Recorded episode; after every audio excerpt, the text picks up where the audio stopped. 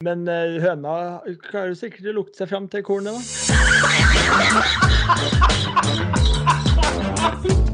Her er starten på noe stort. Nei. Nei. Jo, men hør meg ferdig. Hjertelig velkommen til episode 21 av Four Boys-podden. Få hadde vel trodd at vi skulle holde på så lenge. Min kone trodde kanskje et par-tre, og så var det ferdig. Men nå begynner vi å liksom å 21, det er et anselig tall, syns jeg. Og i dag så har vi vært så heldige at vi skal ha en skikkelig bonusepisode. Vi har med en kar som Han er ikke eldre enn 25, tror jeg. Det stemmer, det? Bare si ja kjapt? Ja, bra, bra. Han har at han har verdens kuleste punkt på CV-en. eh, Og da snakker jeg ikke om da du var salgsleder på tech-avdelinga på Elkjøp på Melløs, eller da du var telefonselger for Los. Men han har vært caddy på PGA-turen, og det, det er umulig å finne et fetere punkt å putte på en CV. Helt umulig. Og derfor kan vi ønske velkommen til Federico Ventura. Velkommen til Fourboys-podden. Jo, tusen takk. Det er en ære å få være med i poden her. Det er jo, jeg, hå- jeg håper jeg kan se tilbake til denne episoden og være stolt av det. ja, Vi får se. Vi har sagt til deg at um, du kan liksom stryke ting i ettertid, men det skal, være, det skal mye til. Ja. Men vi har jo med oss fullt panel i dag. Stian Grødum, og gøy å ha med en gjest, eller? Veldig gøy. Jeg er veldig spent på å høre alle de morsomme caddy-historiene han har på laget. Jeg er spent liksom på hvilket uh, Er det bomull eller er det polyester som er best til å tørke køller? Altså, det er ganske mange spørsmål jeg har. Det skal, er ja. det skal snakkes fag, ja.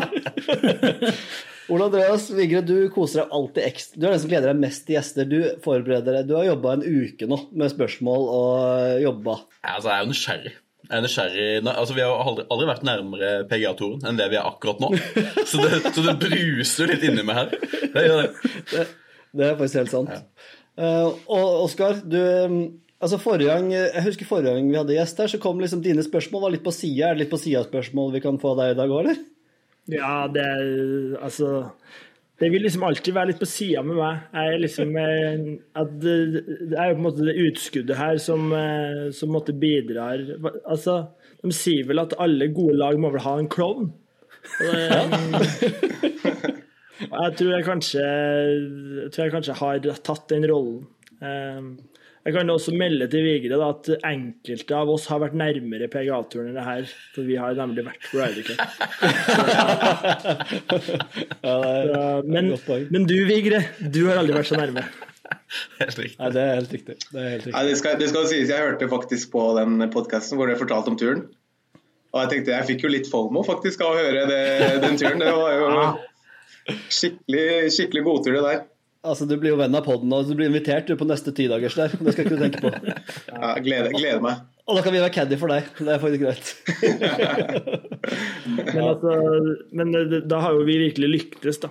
Hvis eh, de der hjemme føler at de på en måte at, eh, at det er et visst savn der. Det er gledelig å høre. Ja, det Gledelig gledelig.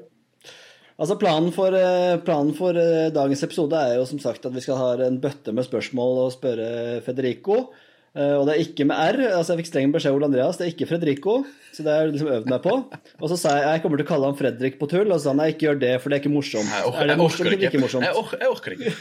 Ja, nei, jeg har hørt det så mye at jeg, jeg, er, blitt, jeg er blitt vant til det. At folk sier Frederico, ikke sant? for det er så vanlig å si Fredrik. Men eh, nå har jeg, nå har jeg, jeg stoppa å bry meg, egentlig. Det er samme hva du kaller meg. Om det er Fredrik eller Frederico eller Federico, det går fint. det. Ja. Fedde, er det noe Ja, den er fin. Det er mange som kaller meg Fedde. Ja, det er det? Ja, ja. Jeg holder meg til Federico. Men Ja. vi har i hvert fall masse spørsmål. Vi har fått noen lyttespørsmål også. Men jeg tenkte aller først, da, før vi liksom banker løs på deg, Federico, hvis det er lov å si, så skal vi, så skal vi se litt på Soso Championship. Fordi det, eller het det Soso Championship? Ja. Det var turnering i helga. Jeg kan ta det med en da, Federico. Ser du noe på golf liksom sånn når uh, En Soso Championship-måte, er det noe du har et øye til? Ja, altså Jeg pleier som regel å følge med på de store turneringene, men jeg føler at den turneringa var ikke stor nok til å, som vanlig, som den pleier å være. da. Så jeg fulgte med på hvem som vant og sånt, men eh, jeg har ikke, jeg har ikke sett på turneringene. Nei. For det var Jeg så- da Colin Morikawa som tok det. Ja, så det fikk jeg med. Med god margin. Eh, Men det som er viktigst, er at Eric Cole, som jeg tippa, eh, kom på andreplass. Så den tok jeg i denne runden også. Det er egentlig det viktigste å ta med seg fra denne runden. Og at eh, det var, Colin Morikawa hadde navnebror der. Det syns jeg var fryktelig gøy. Ja, var. Når, når leaderboarden besto av Colin Morikawa og Hva heter han for til fornavn? Eh, Hireku Horikawa? Ja, noe sånt. Men eh, noen av de andre dere som fikk med dere noe av turneringa Ole Andreas, du sto jo opp også med ungene du litt på morgenen, og du og Oskar. Du kan begynne med Oskar, da, for en gangs skyld. For en gangs skyld. Deilig. Det er godt jeg kommer foran Vigre i køen her. Det koser jeg meg alltid med. Eh, jo, altså Jeg har jo en på ett og et halvt som nettopp har lært seg å gå her, så han spinner jo rundt eh, stua opp trapper og sånne ting, så det er jo litt begrensa hva han får med seg. Men eh, jeg fikk sett litt, ja. Og så det var jo på en måte det var jo litt fint, men også litt rart å på en måte se golf så tidlig på morgenen. Eh, men jeg fikk med meg at det var, det var, det var utfordrende forhold. Det var ekstremt mye vind. Eh, men eh, det er alltid hyggelig å få med seg litt, med seg golf på morgenkvisten. Vigre har jo sikkert mer utdypende ting. Han har jo sikkert sett på strokes gain og pluss og minus her, så komme med det. Var ikke strokes gained eh, registrert eh, engang. Det var ikke Nei, ikke Shotlink var ikke på, men det, det er greit. Nei, altså, jeg koste meg. altså Sendetid fra 05 til eh, 09. Jeg trodde det var helt håpløst, men det var jo helt nydelig å få med seg siste halvannen timen på morgenen. Eh, og så var jo Det er egentlig kombinert som skal gå klokka åtte, liksom. egentlig, sånn Kombinert og skøyter verdenscup i Heerenveen. Der skulle vi åtte Få til. med seg det kombinerte hopprennet tidlig på morgenen. Men uh, Henrik Bjørnstad var jo alene i bua, i hvert fall på søndagen. Og det var litt uvant. Uh, da skjønner man liksom den forskjellen på Mikkelsen og Bjørnstad og Haugsrud, at det er mye mer dynamikk og mye mer humor og sånn greier når, når Haugsrud og Bjørnstad Men det, det, det er jo på en måte selvfølgelig umulig når du sitter uh, alene. Så da ble jo han Bjørnstad ble jo veldig mye mer sånn informativ og hadde mer eh, På en måte ofte mer interessante ting, sånn som Mikkelsen har. Fordi du sitter der alene, da. Må bare fylle tid. du, du, ikke, ikke, ikke, ikke nevn Mikkelsen og uh, Bjørnstad i samme setning nå, for der er det en liten bit Ja. gående på Twitter. De, de, som vi de, ikke- de krangla litt på Twitter. Den kan vi ta senere. Fikk du med deg den, Federico? Nei, jeg, fikk ikke, jeg, jeg har fått med at Joakim har vært med her, men ikke annet enn det. Nei, altså På Twitter så gikk jo Joakim Mikkelsen ut og meldte der med riller i, i wedgene at det ikke er noe poeng, fordi han der godeste Mayo viste at ikke det var noe poeng. Og så kommer Bjørnstad og uh, slakter egentlig Mikkelsen greit på det, og det ble, en, og det ble litt ufin stemning der, så rett og slett, uh, Vigre. Ja, de, de Bjørnstad kjøpte ikke helt teorien til Mikkelsen. Det var vel bare det. Så det, det var en sånn klassisk sånn her. Nei, da er vi Han bare uenige, da. Ja. Det var litt sånn jorda er flat. Eh, Ja, aktig. Men, men eh, tilbake til Bjørnstad og Soso. Det var, det var egentlig eh, Han klarte seg bra, da. Selv uten Haugsrud. Eh, og så er det, det er ikke så veldig mye prate Det var en, egentlig en litt kul turnering. Det er jo et lite felt. Og det merker jeg at jeg syns det er behagelig med turneringer som det er mindre felt. Det er mer oversiktlig. Det er ikke sånn, de, de, Du følger ikke 150 spillere som driver og slår. Jeg syns det er egentlig deilig når det er sånn 70 stykk ish. Ikke helt Hero Challenge, Nei Tiger da. 20 stykker, da. Nei, men det blir sånn over, det er som Ryder Cup. Det er så oversiktlig og fint. Alle ja, det er, det er noe digg med det.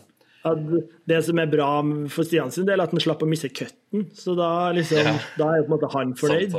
Ja, bonus. Og det siste jeg har på Soso, er, er eh, kjedelig når lederballen er dårlig. Morikawa var jo åtte slag bak etter 48 hull, og så vinner han med seks slag.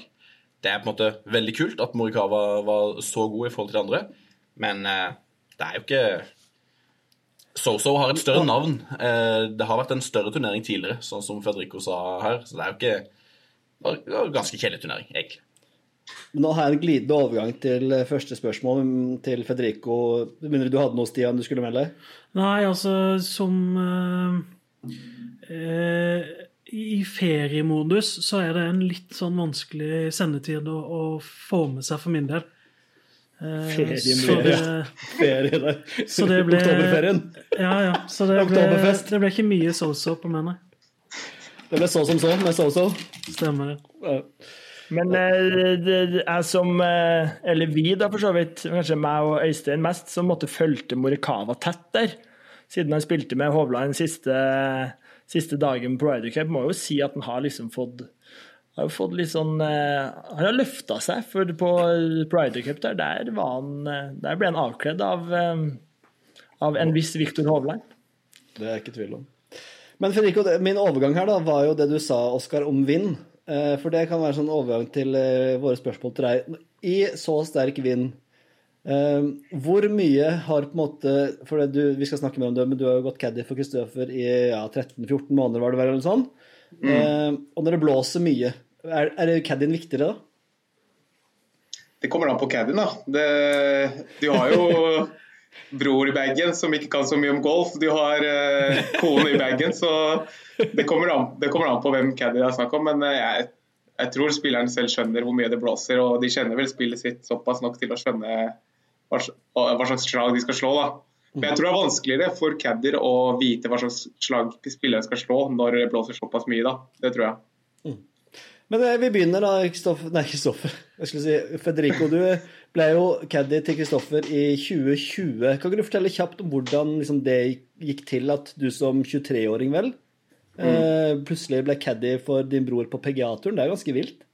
Ja, nei, det, det var veldig tilfeldig også. Jeg husker jeg jobbet jo 100% på den tiden og hadde planer om å studere i Kristiansand. Hadde jo skaffet bolig og alt, og så sendte han meg melding bare Du, du har ikke lyst til å gå caddy for meg, eller? Eh, på PGA-turen? Jeg bare tenkte at nei, jeg kan ikke takke nei til den muligheten, så jeg bare satt alt på vent. Og så tenkte jeg ja, vi får eh, kjøre på. Så får vi heller eh, ja, ta det opp senere. Det er helt sinnssykt. Men, men hva, Ja. hva er din golfbakgrunn, da, sånn for, for oss som ikke kjenner den? Ja, den eh, tror jeg er ganske svak da, i, i forhold. Jeg startet å spille golf typ på videregående, eh, egentlig. Så jeg har jo i handikap liksom, og er hobbyspiller, jeg òg. Så det er ikke sånn Det er ikke noe proffbakgrunn i det hele tatt. Men hva er det da som, som gjør at han plutselig vil ha deg på bagen? Altså, er det bare fordi du er en eh, fin kar, eller hva er liksom utgangspunktet der? Nei, jeg tror mange spillere setter pris på eh, å få den mentale støtten, da, kontra det med kun tips og måling og alt det der. Da. Eh, for det er sånn, Hvis du tenker om, så er det jo så er det jeg som vet best hva som motiverer han. ikke sant? Og dere, de, de som har søsken, skjønner sikkert at dere vet akkurat hva jeg skal si for å, for å irritere en bror eller eh, søster. ikke sant? Er det noen lillebrødre her? Ja, ikke sant? Da veit du akkurat hva du skal si for å irritere han. Og på samme måte gjelder det å motivere. ikke sant? Så det, jeg tror det er en stor styrke da, som jeg hadde da. Eh, eller som han mente han trengte da. Eh, når jeg gikk på bagen, så slapp vi å liksom tenke veldig på hele tida på golfen og kunne liksom snakke om andre ting. Og ja, egentlig ha det litt mer avslappet eh, på banen. Og det det hjalp jo litt. Men var det ikke sånn han gikk fra en caddy som var ganske merittert, som på en måte til, til den? Nå husker jeg ikke navnet på han, men jeg mener du husker det? Ja, det var vel eh, tror jeg, Andy tror jeg han er- Andy et eller annet, tror jeg han het. Men eh, jo, han, eh, han tok jo skikkelig kontroll over spillet til eh, Kristoffer. da. Og jeg tror, eh, jeg tror ikke han likte det i det hele tatt. Da, at eh, liksom Caddy skal liksom eh, bestemme alt. da. Sånn nei, her slår du det. Nei, her burde du slå den. For det er sånn, sånn som han sa selv, da, det er lettere å leve med et dårlig slag når det er du som har valgt det selv, enn når det er Caddien som har valgt det. Ikke sant? Så da tror jeg han heller bare ville ha full kontroll over spillet. Og hvis det går dårlig, så er det på en måte litt hans feil, og motsatt. da. Jeg skjønner. Det er så mye, er så mye å spørre om. Jeg, kan, jeg kan slippe til til andre før jeg på en måte tar, tar hele lista mi her, da. Men uh, Stian, kan begynne hos deg, da. Eh, ja, hva, hva var den største opplevelsen du hadde med, med å gå caddy for Kristoffer? Det er lett å si de to topp ti-plasseringene på Pegatoren, men uh, jeg syns en uh, holding one på Bay Hill var eh, tror jeg kanskje den største. Den var, eh, var skikkelig kult. da. Første holding one på Pegatoren, og da var jeg på bagen. Så det tror jeg var den største av alle. Det er jo helt sinnssykt. Mm. Hva, hva, hva, men hva, hvordan var liksom stemninga? Hvem var det dere gikk med da? Det må jeg faktisk få sjekke opp. her. Var det, hvilken runde var det? Husker du det? Det var på søndag. Ja. Jo, stemmer det. Eh, hvem vi gikk med? Jeg tror vi gikk med Kevin Kistner og en eh, Du gikk med Kistner Kisner, ja? Bare Kisner? Eh, Ja, stemmer. Eh, og det var jo litt, altså den, det hullet så var det litt sånn Du så ikke ballen gikk i, vi hørte bare folk jubla, og så tenkte jeg å ja, faen, det var jo holding one, jo. Så ja, det var skikkelig kult, da.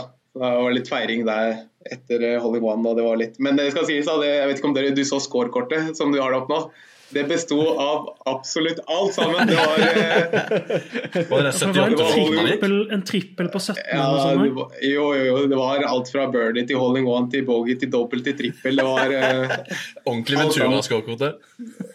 Ja, det kan du si. Men det var jo Spiltes jo helt sinnssykt tøft, det husker jeg. Det var jo helt, eh, helt sinnssykt. Så der, ja. På 14, hull 14, eh, hole in one, 15 bogey, 16 birdie, 17 bogey, 18 trippel bogey. Ja. Og den, på, og den på 18, det var en, det var en fin putt for trippel, altså. Der kan, der kan vi kjenne oss igjen. En fin putt for trippel. Jeg har fisk, fistpumpa for en trippel, jeg, så det skal jeg ikke tenke på. Men, men, men er det ikke altså vi, vi fulgte jo Jeg fulgte, husker vi fulgte veldig mye med Kristoffer i den tida, på en måte når han holdt på å kvalle inn og alt mulig. Og vi liksom, vi satt jo alltid og koste oss litt, og på en måte det var, både så, det var så himmel og helvete. da, For det, han gikk liksom fra det helt vanvittige til det som du sier, trippel bogen. Da, og, er, er, liksom, er det sånn han, som han er som spiller, eller er det liksom Hva tenker du om det? Ja, jeg tror det finnes mange forskjellige spillertyper. Du har jo Hovland som er stabil hele tida. Det er veldig få av de som Hovland, og selvfølgelig han er jo topp fem i verden.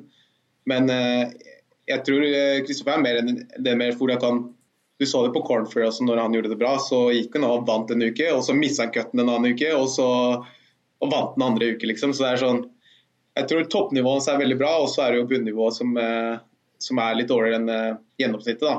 Eller ikke gjennomsnittet, men at de dårlige ukene er dårlige, da, mens de bra ukene er veldig bra. Ja, for det toppnivået hans var jo helt vilt en periode. Jeg husker jo liksom noen som, Ja, det var Arnold Palmer noen runder der, og ikke minst de andre også på topp ti-plasseringen. Det var jo noen Han hadde jo noen ganske rå greier. Ja. Spes Spesielt driveren og putten hans. Er det ikke de som Altså, han slår veldig langt. Gjør han det fortsatt det? ja, han slår langt og han putter veldig bra. Eh, Det som har vært eh, litt eh, den svakheten, har vært innspillene. Og det har jeg siden den gang òg. Til sikkert i dag. Nå er han jo Jeg mener at han har blitt en del bedre på det, da, men det er jo Det hjelper liksom ikke å spille og ha putte, være best med putteren og best med driveren hvis ikke innspillene er bra nok, skjønner du. Så, så det Nei, altså, han, er, han har veldig stort potensial, og det tror jeg mange ser også. da. Men Kisner, da, apropos Hollywood, han går jo, liksom, skal jo være the funny guy. Eh, var han det? Ja, jeg likte Kister. Han er en veldig kul fyr. Han eh, tar seg selv så lite høytidelig og bare ja, han bare er seg selv. og Du har sikkert sett de intervjuene hans. og Veldig kul type. Han, eh, jeg husker vel på et av de hullene så spurte han meg sånn Da slo han en drive med, som så ut til å være mot bunkeren. Så spurte han meg du tror du den er i bunkeren. Og så ja, jeg tror det. Og så var han ikke det. Han bare fy faen, de har dårlig caddy. sa han.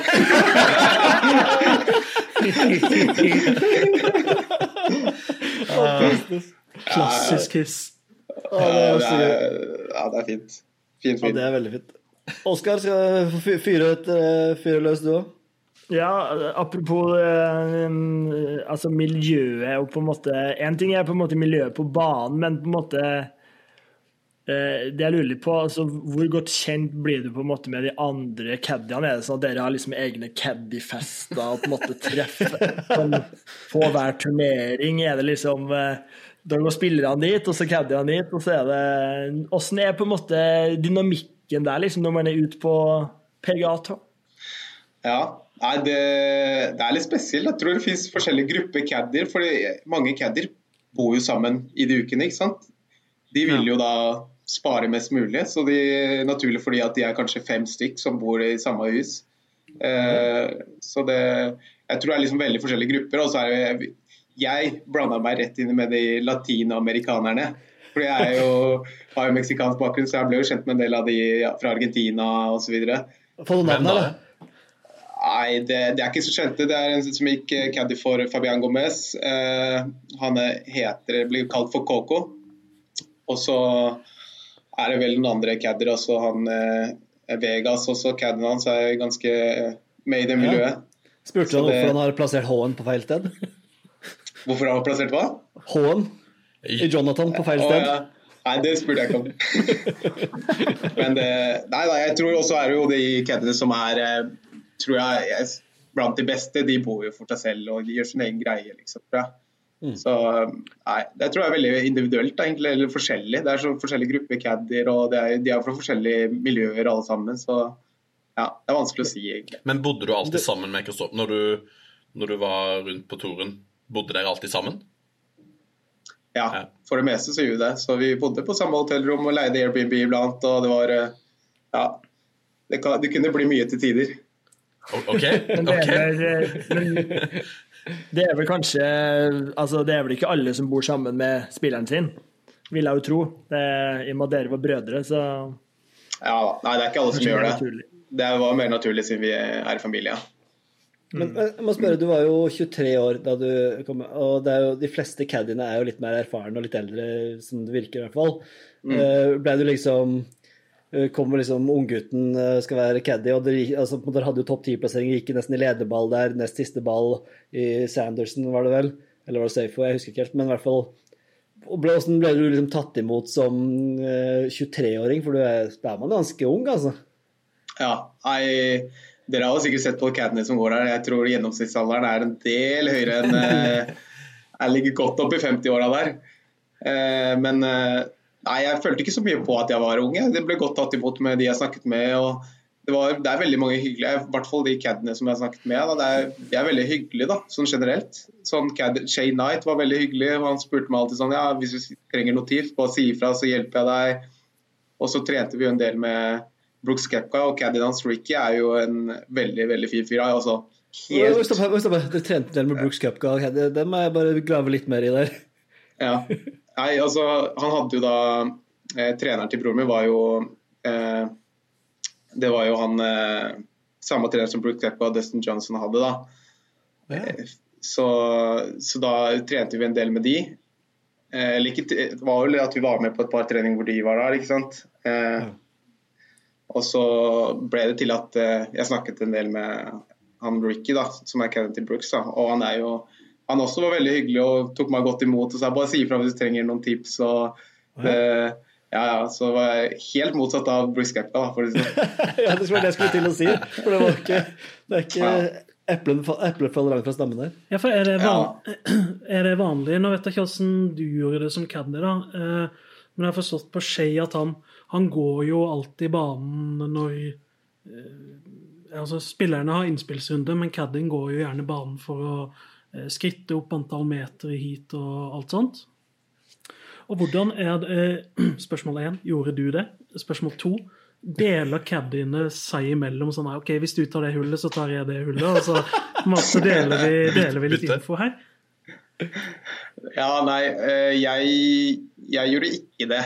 Jeg var hovedsakelig bare mental støtte og egentlig bær til bagen, men eh, de aller fleste gjør det. De går banen på forhånd, og så noterer de seg ting, altså alt fra hvor det er eh, hvor man ikke skal misse, ikke sånne ting. Måler, litt, måle litt lengder og, og diverse.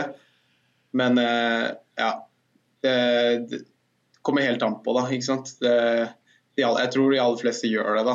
Eh, og ser banen. Men de har jo også lang erfaring. De har jo vært caddier i mange mange år og har gått samme bane mange ganger. ikke sant? Ja. Så, så de, sånn, kan, de har mye erfaring på hvordan banen skal være. da. men bestillinga fra Kristoffer når han Ja. spurte deg, var liksom Bli med. Nå er jeg lei av min forrige caddy, som skulle overta alt. Eh, nå, skal vi, nå vil jeg ha en hyggelig fyr. Jeg vil ha broren min med meg og motivere meg. Og så tar han mye av lengdene og den pakka sjøl. Ja, Ja. det var rett og slett det. Ja.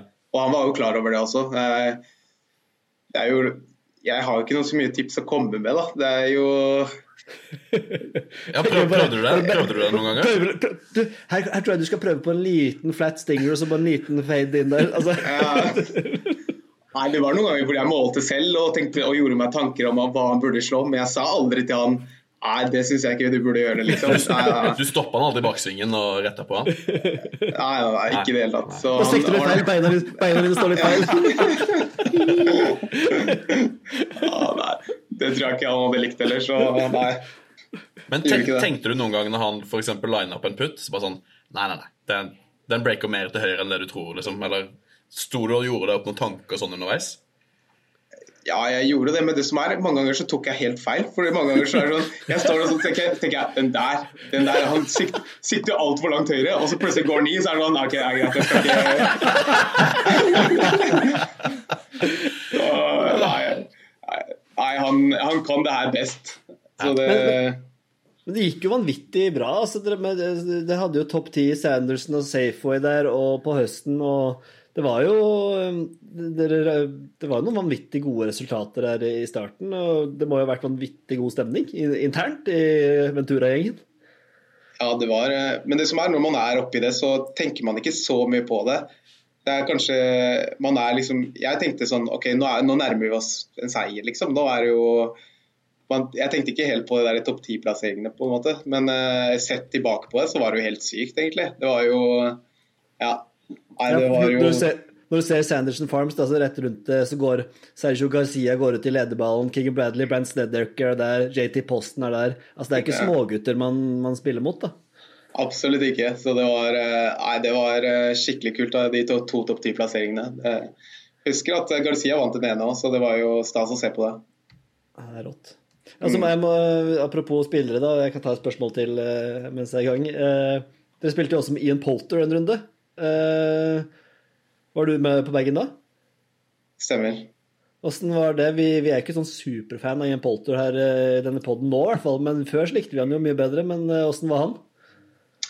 Nei, det er bare å fortsette med det. Han er uh, like kvalm i virkeligheten som han er, uh, som han er på TV. Så han, eh, han kan du få gratis av meg. Det er deilig! Men hva, hva var det han gjorde som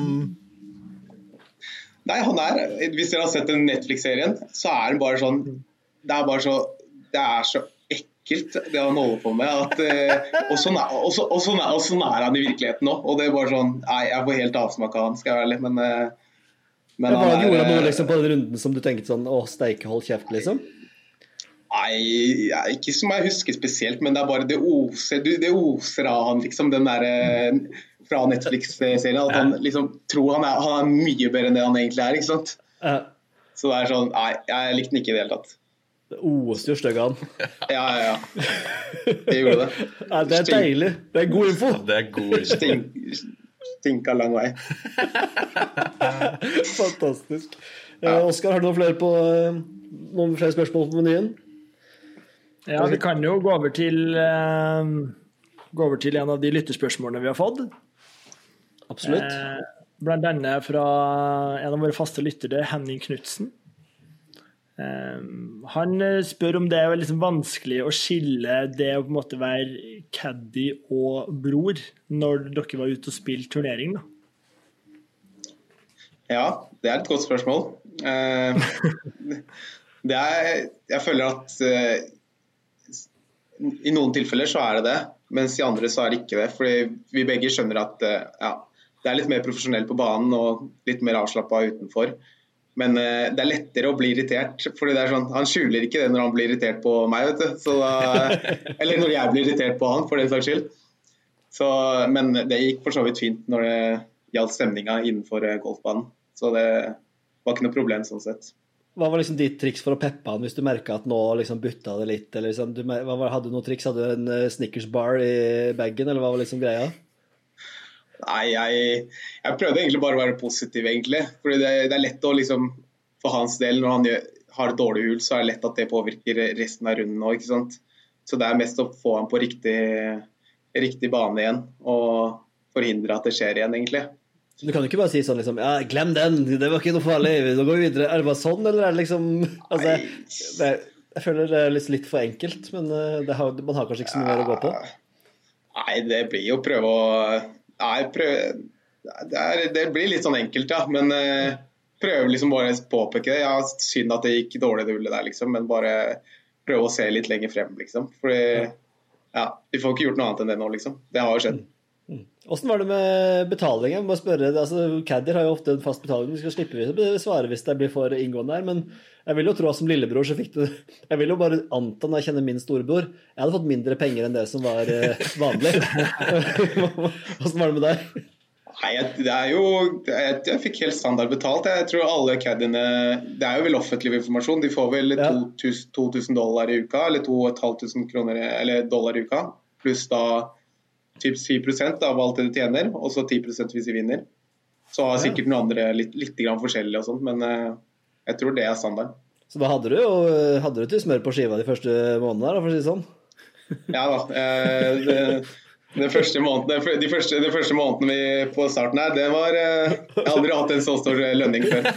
Da var det private, private jet og bare living large hele veien der.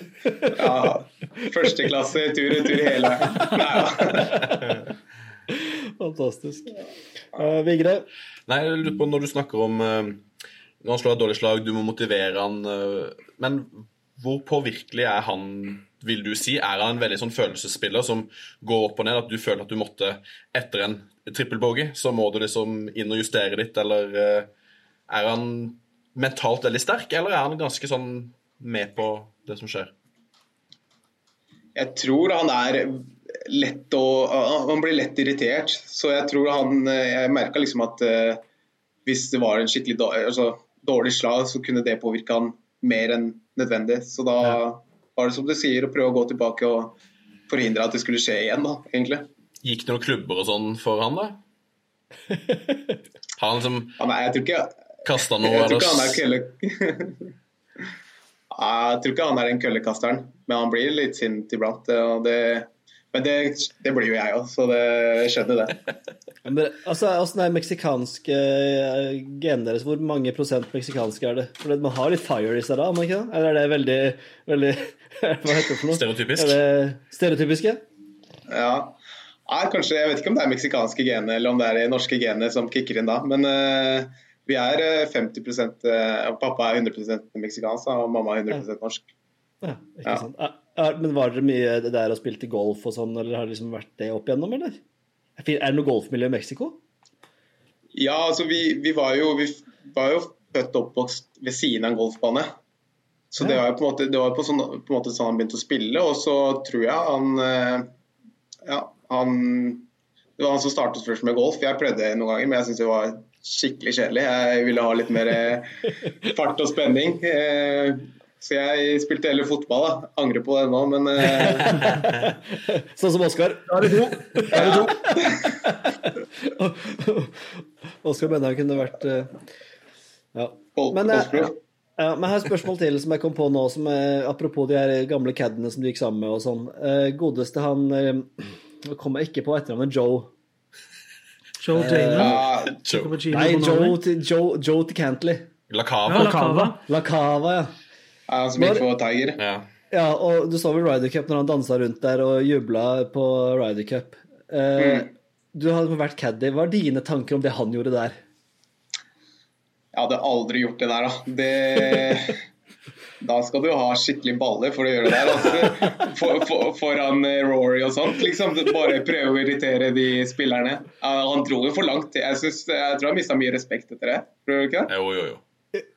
Ja, altså jeg synes jo det det er jo helt skandale, og på en måte han, han ga seg jo ikke. Altså En ting er på en spontan måte jubel, men han fortsatte jo liksom inn i en viktig putt. Hadde du noen, hadde, gjorde du noen ganger sånne, blemmer som caddy hvor du plutselig sto i linja, eller at du kakka borti ballen til Tiger, holdt jeg på å si? Nei, jeg så faktisk aldri Tiger eh, mens jeg gikk caddy. For han eh, spilte liksom ikke de turneringene, og så, ble han, så krasja han. Så fikk aldri sett han, dessverre. Eh, men eh, det største problemet jeg hadde, tror jeg ja, Det var vel kanskje ikke så Det ble ikke en blemme til slutt, men det kunne blitt en blemme. Og det var at eh, når vi Det var en av de topp ti-plasseringene. På lørdag så var vi ganske høyt oppe, og så husker jeg han landa i en bunker, og så begynte jeg på en måte å rake hvor det landet, og da tror jeg det er straffeslag. Ikke sant? Hvis du raker oh. før, før han slår ballen. Så Og Kristoffer bare Nei, han bare raka det i bunkeren. Jeg var, ja. Han bare Nei, faen. Og så var han bare no, og så, og så, Han er jo sånn som ikke lar sånne ting gå, da. Så Ja. han, han sa ifra til dommer og sånt, da, men eh, det var så, såpass langt unna ballen at det gikk fint, liksom. Så jeg var sånn, men jeg tenkte, når, når dommeren kom bort der og skulle liksom, jeg bare, Nei, nei, nei, det kunne vært, kunne vært en kostbar feil. I hvert fall når vi ligger bra an. Og den er seig når han liksom begynner å skal kølle bort dommeren. Det er noen lange sekunder. Ja, da, da var jeg ikke mye høy på Nei, det var eh, Da tenkte jeg da kan det gå skikkelig gærent, liksom. Holde på å få en skikkelig bra plassering, og så kjøre på med et par straffeslag her. Men det, det gikk fint, da. Ja, jeg trodde nesten det var straffeslag. Jeg var nesten litt overrasket at det ikke var det. Men eh, Men det Ja, jeg vet ikke hvordan det fungerer. Det var, det var liksom det var på en måte såpass langt. Det var- jo kanskje 20 meter unna ballen, liksom, så det var liksom ikke i nærheten. Eh, okay. på en måte. Så det var Jeg vet ikke. jeg kan ikke huske å ha sett noen gang at en spiller som får straffeslag pga. caddien, har gjort noe feil. Så du kunne, du kunne jo blitt historisk, på en måte, hvis det hadde Du kunne Kan gått viralt med det da. greiene der. Ja. Hadde jo Skulle jeg heller ha fått straffeslag. Ja, ja, ja. Men jeg er nysgjerrig, er nysgjerrig på Du snakket om Polter, og liksom, som, hvor du bekrefta våre Og vi har liksom Vi har masse folk vi liker og ikke liker, osv. Er det noen andre liksom du kom på turen og bare tenkte enten 80 var jo bare helt magiske, og som bare var dritfette, eller noen som var det stikk motsatte, da? Ja, men eh, når jeg tenker meg om, så er det mange av de samme som man tror er veldig sånn ekle, sånn som Brooks Keppa, da. Eh, han, han også er helt lik sånn som på, på TV. Og jeg er ikke så fan av han. Det er en skikkelig materialistisk fyr som bare snakker om penger og det er bare Ja. Så jeg, liker, jeg liker ikke noe han egentlig, men uh, andre som jeg syns var som jeg synes er kule, er uh, Kevin Kistner er en skikkelig kul fyr. Det var mange sånn ukjente som er litt sånn kule òg. En, som- eh, en som heter Johnson Wagner. Han syns han var ganske rå. Litt eldre fyr. Eh, Peter Malnati syns jeg var eh, Oi, liten hatt! eh, Ja, han med solhatten. ja, ja. Nei, er det ikke det? Jo, Jo, jo, jo. solhatt, han. jo stemmer det. Han syns jeg var litt uh, kul. Han virker artig. Ja. Så Men ikke noen andre som jeg kommer på, liksom. Ja, Ikke noen sånn douchebag som uh, velta bagen til Kristoffer på veien, og liksom Ingen av den sorten. Nei. Nei, det skal mye til. For det er jo liksom I andre idretter så er det jo litt sånn du, kjører sånn douchebag moves på de nykommerne eller liksom rookiene, og du legger det altså, Men sånn er det på en måte ikke kanskje kultur for da i golfen. Nei, jeg, og det, jeg har tenkt på det før, faktisk. At det, det er skikkelig merkelig golf. Så er det sånn, Du spiller om å Du skal slå motstanderen, men samtidig så sier du hele tida ah, 'bra slag'. Og så liksom nesten motivere motstanderen. Liksom. Det skjer jo aldri i noen andre idretter. Da er det jo nesten tvert motsatt, at du prøver å ødelegge for han, ikke sant. Mm. Så jeg syns det er litt eh, Men det er kanskje sånn golfen er, at det har blitt en sånn Ja. Men føler du det når, sånn når, når du er i en flight, sånn som du sier der, da, når, når, at den ene spiller bra, at det trekker den andre opp? At uh, Responderer Kristoffer bra på det hvis han han spiller sammen med oss og spiller bra? At Jeg føler det er sånn, egentlig en sånn greie som kanskje er litt overdrevent, men man ser det jo gjerne av og til òg at og, og spillerne sier det sjøl, at nei, vi, vi spilte hverandre gode og skryter av hverandre underveis. Så er det det som en greie, eller? Det er vanskelig å si noe på det, men uh, kan jo føle litt på det. Da, at det kan, det kan faktisk hjelpe. Når man, og du ser jo det når uh, Hovland spilte med Shuffle, liksom, at uh, begge de spilte sykt bra. Så det kan jo ha noe med det å gjøre, uten at det er påvist. Uh, det som er ille, er når han andre spiller sykt bra, og man spiller så drit dårlig selv. Det, da, da, da, da tror jeg man bare blir dårligere. Uff a meg. Ja, det er seigt. Og det gjelder amatører også. Uff, ja. Men han, eh, men han spørsmål, traff, traff han noen ganger noen publikummere sånn at det liksom gjorde ordentlig vondt når du var med? Eh, nei, ikke egentlig. Og så et annet spørsmål. Ja. Nei, et annet spørsmål. Ofte når vi spiller golf, så er det sånn hvis noen gjør noe dårlig eller noe rart, eller sånn, så blir det sånn Man begynner liksom å le litt sånn inni seg. Er det, har det skjedd? Det, det tror jeg aldri har skjedd.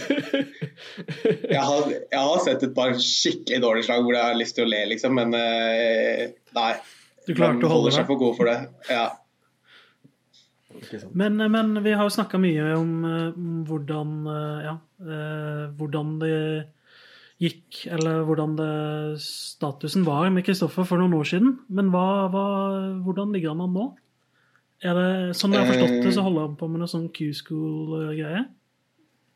ja. Nå har jo han hatt et par eh, kjipe år.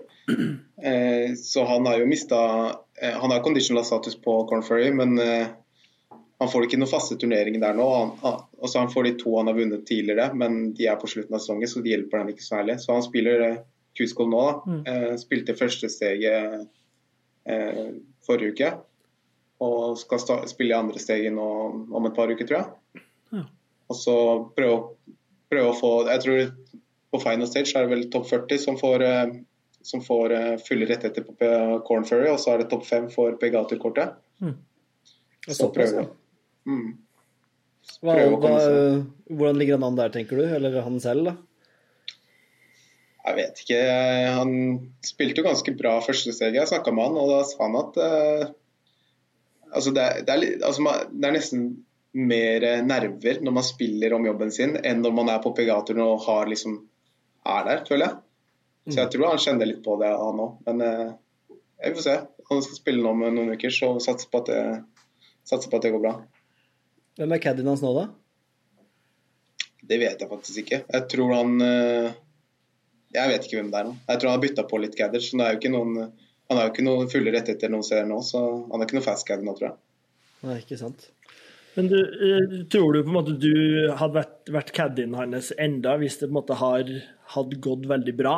At han på en måte hadde fortsatt å spille bra i PGA-turen, og på en måte ting hadde flyttet litt bedre enn, man, enn det kanskje gjorde? da? Hadde du, tror du du hadde fortsatt vært på Bergen da? Ja, nå Jeg tror kanskje det hadde vært lenger, men ikke helt til nå. Jeg, altså, det var jo aldri ment som en sånn langsiktig, langsiktig plan. Det var jo meninga at jeg skulle i hvert fall være der i ett års tid, liksom. Og så Ja. er det jo litt spesielt å være caddy òg. Drive og pendle tur-retur Norge, liksom. eh, Fra, eller tur til retur USA. Så eh, jeg kunne ikke tenkt meg å være fulltids-caddy lenge, nei. Men hvis han gjør det bra og kommer inn på PGA-toren igjen og sender en liten melding, da, da sier du nei? Ja, det tror jeg. Men eh, det hadde vært kult å gå caddy et par turneringer her og der. Altså noen turneringer i året. Det hadde vært kult. Men så når, han, når dere avslutta, liksom, så var det på en måte del av eh, avtalen dere hadde, at nå var det på en måte Det passa å gi seg der? Ja, det Det var var vel... én ting du eh, sa som eh, gjorde at han sa nå, nå er det nok, nå kan du bare stikke til Norge og melde oss og alt det greiene der. Bare komme deg hjem. Nei, det var Nei, vi ble litt enige om det, og jeg skulle liksom Jeg skulle jo starte å studere og sånne ting, så da passet det jo greit, egentlig. Da, og så han Ja, så fikk han en god mulighet med en, en caddy, så han skulle teste ut det. Så det var sånn Det ble veldig naturlig, da. Mm. Ja. Men eh, altså, du Nå, som du sikkert har skjønt, her, så er jeg kanskje ikke jeg den med mest fakta i denne poden, men eh, jeg prøver meg i hvert fall likevel. Men eh, du er vel eh, Du er vel kanskje den eneste nordmannen som har vært caddy på PGA-turen, eller? Eller, har det vært noen flere eh, før det?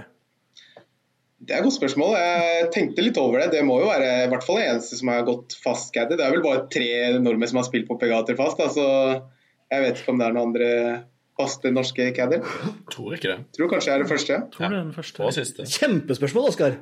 Ja. Jeg er jo på med faktaen der. Er Ryddig, godt spørsmål. Kan ikke du fortsette med et lytterspørsmål til, da, Oskar?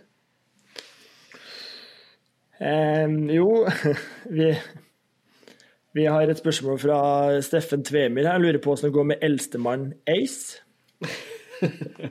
Han eh, eldstemann Kristoffer, ja. Nei, jeg, tror, jeg, jeg, jeg, jeg, tror, jeg tror det var humorbasert. Elsen Ja. Ace. Men Ace Så det- Ventura. Ja, så det, Hvor mye hørte du den etter uh, Hole in One på uh, Bay Hill? Nei, det ble jo en del. Det ble jo lagt ut, og det, alle bare sånn Ja, vi venta på at han skulle gjøre holding one, liksom. For det, Alle memene var klare. Alle mimene var klare, så det ble, det ble en del kommentarer på det. Det er sjukt. Men åssen går det med han nå? Han var jo ganske han var ganske ærlig her på, på Instagram. Hadde en litt lang post der han liksom var ganske ærlig på at det har vært kjipt og tungt. og er det Åssen er det? Hva er status på han nå? Nei, jeg føler i hvert fall nå så har han Han er mye bedre team rundt seg nå enn den han hadde når han spilte på Pegaturen. Fordi når han spilte på Pegaturen, så var det litt sånn eh, Ja, hadde jo Claude Harmon som trener, ikke sant. Og det er sånn Det var stas, det, for han var kjent og sånt, men du får ikke den oppfølgingen man trenger, da. For han prioriterer selvfølgelig Brooks Kekka og Dustin Johnson, liksom. Eh, så jeg tror han har et mye bedre team rundt seg nå. Eh, som faktisk følger han opp da, og som vil han eh, det beste. Men eh, det er klart det er tøft da, å gjøre dårlig i jobben sin. Da. Altså, å føle at du gjør alt du kan, da, og så føler du at du, det, det er egentlig ganske bra og du ikke er så langt unna. Men resultatene viser ikke det. Så jeg tror eh, det er jo som å få et slag i trynet hver gang. Liksom. Det, er, eh, det kan være tøft i lengden. Og i golf så er det jo ofte flere nedtur, nei, nedturer enn oppturer. Så ja. Det sånn er, sett, sånn sett tilbake på Altså vi skal liksom oppsummere Sett tilbake på her på det året du var caddy, hvor, eh, hvor ja, det, det er som et eventyr du ikke ville vært foruten, regner jeg med? Absolutt. Det var, jeg angrer ikke et sekund på det. Det var eh, skikkelig Bare det å reise med broren sin var jo kult, da. Så bare det i seg selv å oppleve forskjellige steder i USA og rundt i Sør-Amerika og sånt, var jo Men- Bare var det det var verdt det. Men kom det helt ut av det blå? Spurte, Det var ingen diskusjon i forkant eller noe du hadde snakka om eller han hadde nevnt? Det var bare plutselig kom det en melding? Det var litt ut av det blå. Hadde, jeg tror han hadde nevnt det tidligere, at han, synes, at han kunne tenkt seg at jeg skulle gå litt gaddy for han, liksom. At det hadde vært kult. Men eh, akkurat det kom litt ut av det blå, ja. Og det ble skikkelig spontan. Jeg, jeg var jo klar til å flytte til Kristiansand, og så bare Nei, få droppe det, da. Hadde du kjæreste på det tidspunktet? Ja. Så det ble jo langtidsanse der. Så eh, ikke, ikke like populært. Men jeg, jeg har lyst til å stille et spørsmål i Oscars ånd her, som eh, kanskje du har på din liste, Oskar. Men eh, eh, golfmerkemessig, hva er det som er favoritten hos deg og Kristoffer? Er det, er det samkjørte? Er det, hva er det, hvor er det pengene går? Er det generelt? Er det golfkøller eller eh, klær? Nei, nå, nå tenkte jeg mest på liksom sånn generelt. Altså, er det tailor-made Callaway-fyrer? Er det Dønn-titt gode. Lindberg? Ja, han er jo Han bruker Han sponser Titles nå, da, men han er ikke noe eh, Jeg syns eh, Jeg er glad i eh, Nike, ja. Og Lindeberg og de merkene der. Eh, Ja, takk. ja. det, det er noe med de Lindeberg- Lindeberg-klærne som sitter Jeg vet ikke. Sitter, sitter så bra eh, i forhold til mange andre. Eh, Er det sånn for hele redaksjonen her, tenker vi? Eller er det de, de bare, Det var nei. Nei takk. De sitter litt Liker de amerikanske størrelsene. De er telt, da. Du tror på det. Ja. Vi har et, vi har et spørsmål, et lyttespørsmål til, eh, Federico. På, for det går på at du liksom er eh, Du er jo, bor i Kristiansand. Er jo aktiv i Bjåvann, eh, har vi skjønt? At du er medlem Ja. der.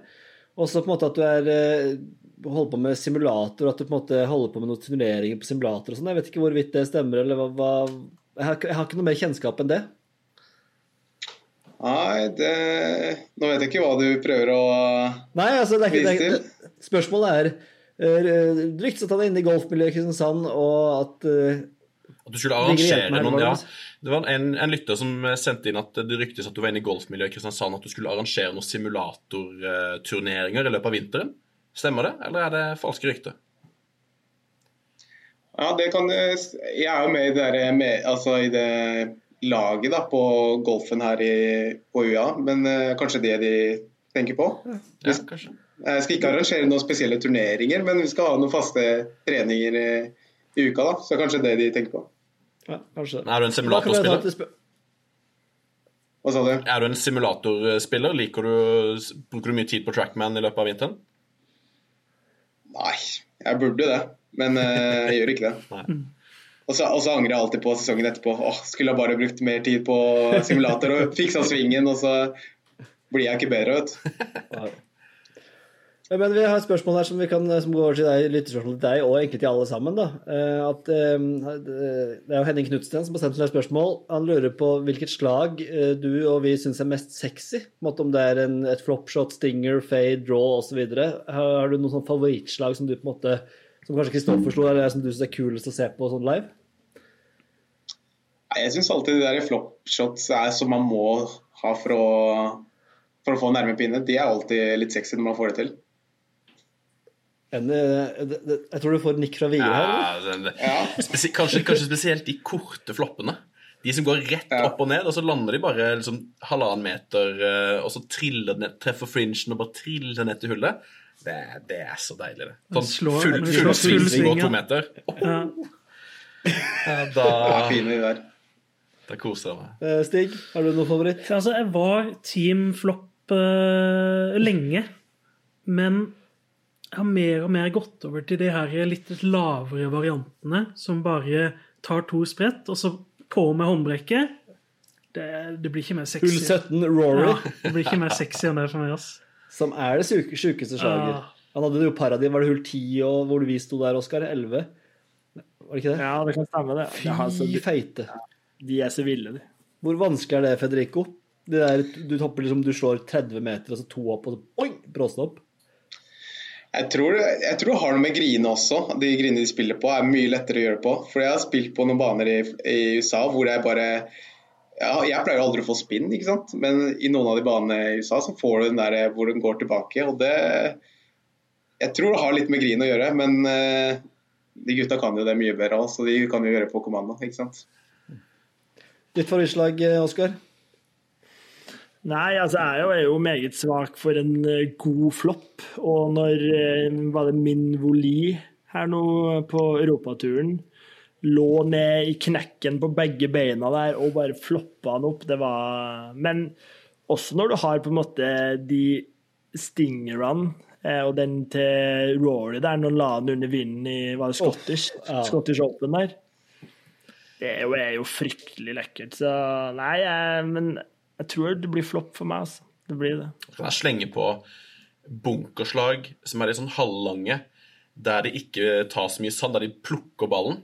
Når du plukker ballen eh, i et bunkerslag og får masse spinn eh, ut av den, det Ja. Jeg synes Noe av det feteste for min del er sånn på, på stingerkjøret. Altså, jeg syns det er sinnssykt kult å se på stingere når du liksom har filmer bakfra. De bare forsvinner opp der. Så jeg syns jo liksom både Rory, men også, også fra løpene med Wooden fra um, Bob McIntyre, åtteren vår, som eh, som plutselig, vatta fram den. Ja, ni, var det det? Så, men jeg synes, et spørsmål som jeg syns er gøy å se på, men det er kun fordi jeg aldri hadde turt å gjøre det selv, er de som slår fra asfalten. Når de ligger på carpath, og de bare, de bare mater på som om de skulle ligget på den fineste fairway. Vi får, ikke, vi, vi får jo ikke de køllene gratis, vi, så vi vi, vi tar ikke den, den, den kostnaden. Nei, Nei, men jeg skjønner at de gjør det. Men jeg opplevde det, opplevde det med Kristoffer en gang, at han lå på carpathen sånn og måtte eh, bare vaske på fra asfalten. Nei, faktisk ikke. Nei, det, det skjønner jeg ikke at folk tør. Ja. Var enten midt i eller utafor. Det var liksom én av to. Ja. Det er veldig bra. Nei, men Nydelig. Er det noen flere spørsmål? Jeg skal prøve ikke å holde på for lenge og plage deg for lenge, Federico. Vi skal ha skjenkhonnør, og det pleier å ta litt tid, det òg. Så er det noen flere Jeg har spørsmål? et. Jeg har et um, Da begynner vi med Oskar. Ja, jeg starter. For at nå er det jo kanskje litt lett, i og med at du er, har, eh, du er noen lillebror, så blir det jo kanskje lett å bli litt sånn eh, waterboy som gjør alt mulig av drittarbeidet. Men måtte du på en måte booke flytider, booke overnatting, måtte du måtte være litt sånn reiseguide oppi det hele her, eller hadde han på en måte andre i teamet som måtte fiksa det? Liksom la til rette, og på en måte alt lå lina opp av klær og ja, mat og utstyr og alt der? Eller måtte du liksom bare være den som OK, jeg skal sørge for at han har det best mulig til enhver tid? Ja, til en viss grad så var det jeg som sørget for det, men det kun på banen. Eh, De har jo manager som ordner med flybilletter og hotell og alt det der, så det, det styrer den andre med, og ikke jeg. Det, Ja. ja. Deilig. Stian, du hadde noe? Ja, eh, jeg lurte litt på For at nå er det jo sånn at eh, Hovland skal flytte inn hos Kristoffer, stemmer ikke det? Jo, det stemmer. Eh, og så har jeg hørt tidligere at eh, John Rahm er medlem på samme banen som Kristoffer er medlem på. At de har, spiller en del treningsrunder og sånt sammen. Stemmer det? Er litt de venner? Nei, jeg tror ikke de er helt eh, bestekompiser. Jeg tror de har spilt sammen før, men det tror jeg var i Texas, der treneren til Kristoffer holdt til. Ja, ok. Eh, Så jeg tror ikke han er medlem av den, eh, den golfklubben som Kristoffer spiller på i Florida. Dårlig informant, Stian. Veldig dårlig. Skal slakte han etterpå. Dårlig faktasjekk her. Skal slakte han etterpå. Men det blir jo det blir gøy med Hovland og Kristoffer, Kristoffer, da? I, under Ja, samme det som er litt kult, er jo at uh, i den lokale Mossavis så ble det jo en nyhet at uh, at uh, golfstjerne flytter inn til Mossing. Eh, Er det så Altså, stygt gjort? Altså, Kristoffer får så ufortjent uh, li... Altså, han er jo klart jeg- nest beste spilleren vi har. Altså, Før Hovland så var det jo Bjørnstad som hadde én sånn topp 20-plassering på PGA-turen. Kristoffer har jo to, eller Ja. Du og Kristoffer har jo to topp 10-plasseringer. Men så er det Nei. Og så står det, jeg tror jeg også i den artikkelen altså, jeg, For jeg leste den tenkte ja, så, stå, så hadde de tydeligvis intervjuet Viktor og spurt liksom ja, hvordan blir det? Og da hadde Viktor svart sånn jeg gleder meg til det, for vi kan lære mye av hverandre. Så hadde jeg vist den til Kristoffer, og da sa han ja, jeg kan sikkert lære han å lage mat og øh, vaske. Så kan han lære meg å spille golf. Men jeg syns du husker at Hovland har sagt når han skulle lage en sånn drømmespiller, så, så valgte han liksom Jeg hadde tatt utslaga til Ram og diverse, men han valgte liksom Kristoffer på putter. Mener jeg husker i et intervju for lenge siden. Er han så rå med putten? Han er veldig god til å putte. Jeg tror at du som er statistikkfyr, burde jo ha sjekket oppi der, men Faktisk. Jo, men det er jo det som er hans greie. Ja. Uh, spesielt Ja, ja. lange putter var liksom helt uh, Hovland har alltid hylla Eller de to gangene jeg har sett han hylle han for det. da Ja, han var vel eh, Jeg tror han var topp tre eller noe sånt på Pegaturen eh, på puttingen. Så det er veldig god til å putte. Det er rått. Men åssen er, mm. er vennskapet mellom Kristoffer og eh, Viktor? Og deg, for så vidt? Kjenner du Viktor nå, eller? Ja, jeg har vært med Viktor et par ganger, men jeg er ikke, ikke noen bestekompis med han. Eh, jeg sender jo han alltid meldinger når han vinner eh, og sånt, men eh, det har blitt mange av de, så jeg, til slutt så har jeg tenkt sånn Nei, han, han, han, får- han, får nok, han får nok av de meldingene, så det Når det begynner å bli eh, to uker på rad så begynner det å bli slitsomt. Ja, det, ja, det Nei, det Ja, det ble litt mye. Men eh, de har jo vært kompiser siden videregående, så det, og de Oklahoma State og alt sånt, så de, de kjenner hverandre godt, ja. Men hvor sjukt syns Kristoffer og, og du da for så vidt det er med altså Dere som har vært ute på, turen og vet hvor vanskelig det er å vinne, vet hvor gode folk er, hvor klarer liksom er, Vi syns det er sykt, men vi forstår jo på en måte ikke omfanget av det å spille i, i lederball eller i toppen her, da. Nei. Nei, det er, eh, er litt eh, Og så sett tilbake på det, så er det jo skikkelig kult. da, Bare inside the ropes og spille bare med de de har sett på TV. og Du og jeg kriger om å vinne en PGA-turnering, så er det kult å se på det. Men eh, tenkte ikke på det der og da. Det var liksom Det var jobben, liksom. Så det var uh, Ja. Satt mye pris sjukt på det i etterkant. Men hvor sjukt er det liksom da å tenke at Viktor går der nå uke til uke og er liksom the top dog? Hvis det er lov å si som 36-åring. Top dog!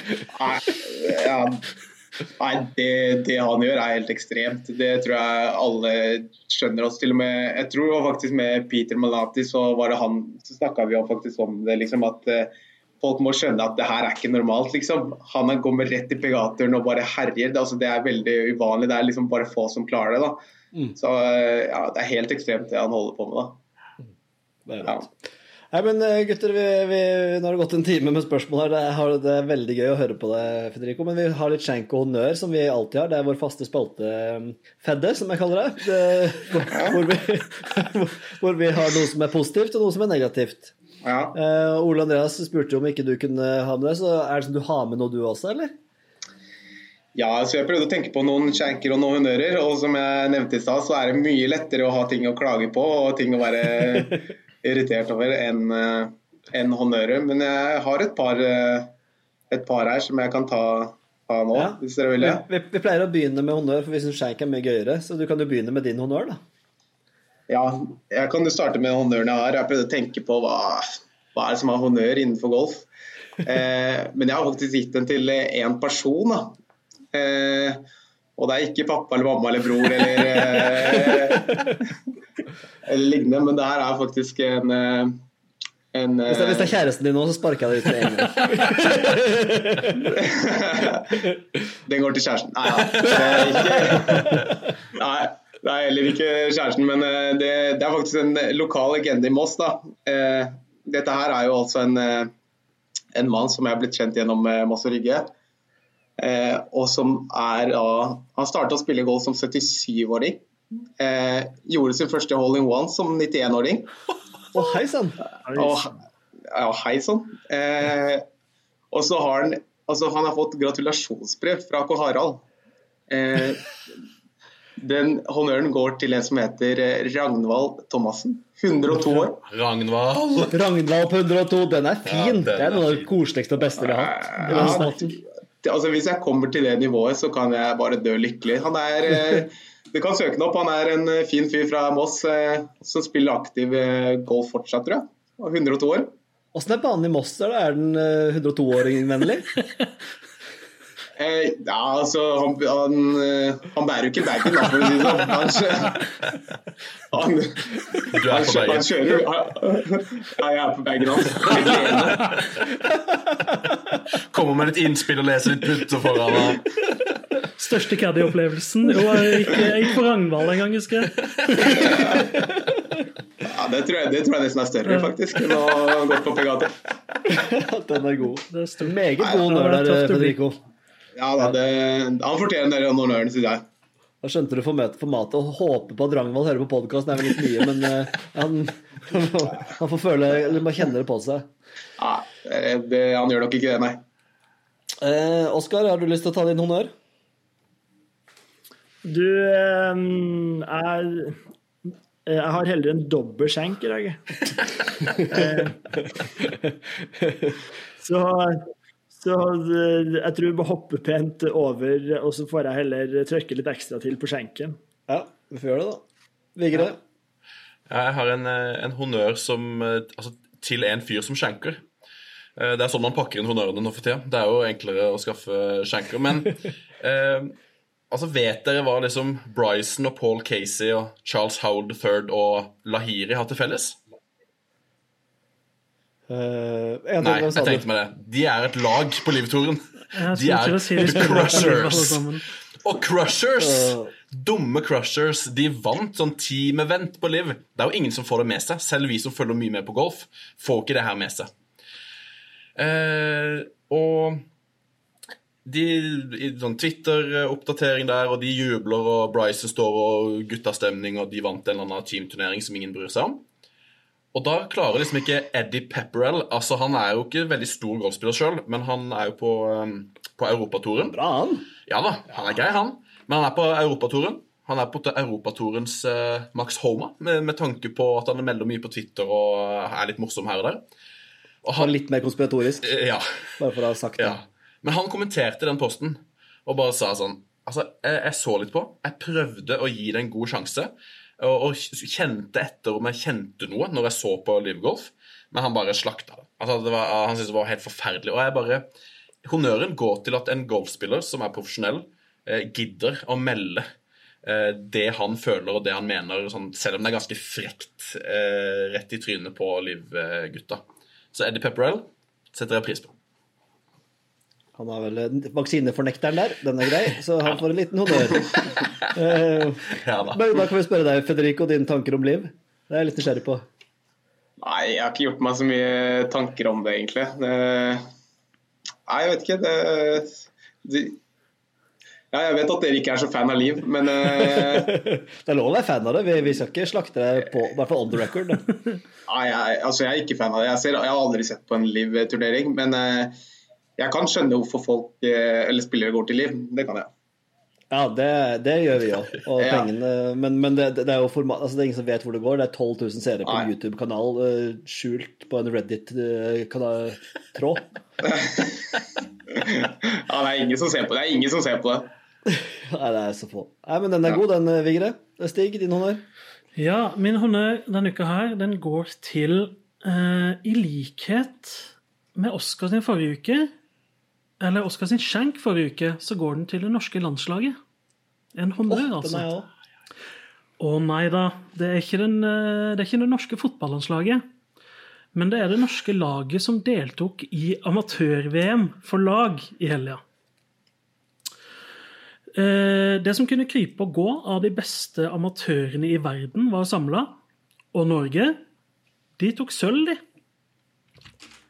Eh, den første norske medaljen på 26 forsøk.